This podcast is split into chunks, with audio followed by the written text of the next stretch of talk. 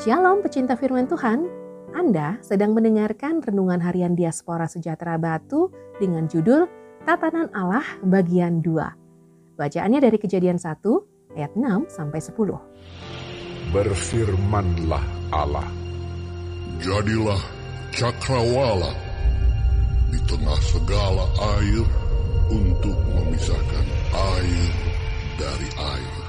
maka Allah menjadikan cakrawala dan ia memisahkan air yang ada di bawah cakrawala itu dari air yang ada di atasnya. Dan jadilah demikian. Lalu Allah menamai cakrawala itu langit. Jadilah petang dan jadilah pagi. Itulah hari kedua. Berfirmanlah Allah.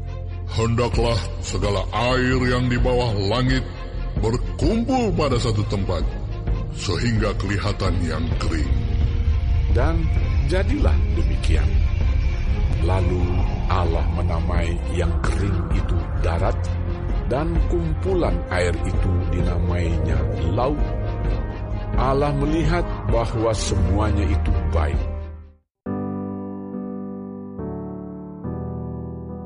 Berfirmanlah Allah, hendaklah segala air yang di bawah langit berkumpul pada satu tempat, sehingga kelihatan yang kering.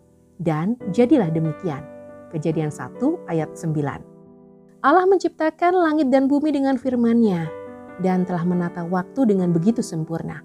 Allah juga memisahkan gelap dan terang, sehingga ada waktu siang di mana gelap tidak menguasai dan ada juga waktu malam. Namun, melalui kitab kejadian yang ditulis oleh Musa, kita diperlihatkan bahwa dunia masih dipenuhi dengan air, sehingga kondisi ini juga harus ditata Allah supaya jadi lebih baik.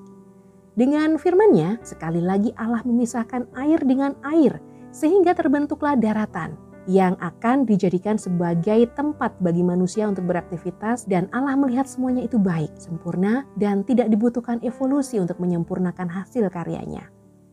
Dalam kehidupan manusia, tatanan Allah semata-mata bertujuan supaya manusia dan ciptaan lainnya bisa hidup dengan nyaman di bumi. Selain itu, Allah juga memiliki tatanan untuk kelangsungan hidup rohani manusia dengan tujuan supaya manusia hidup sesuai dengan kehendak Allah, hidup berbuah atau menghasilkan buah roh bagi Tuhan, sehingga kehidupan manusia menjadi penyembah-penyembah Allah.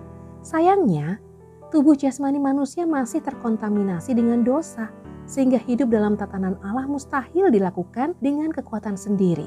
Oleh karena itu Allah mengaruniakan roh kudus dan dengan kekuatan dari roh kudus ini manusia dimungkinkan hidup dalam tatanan Allah.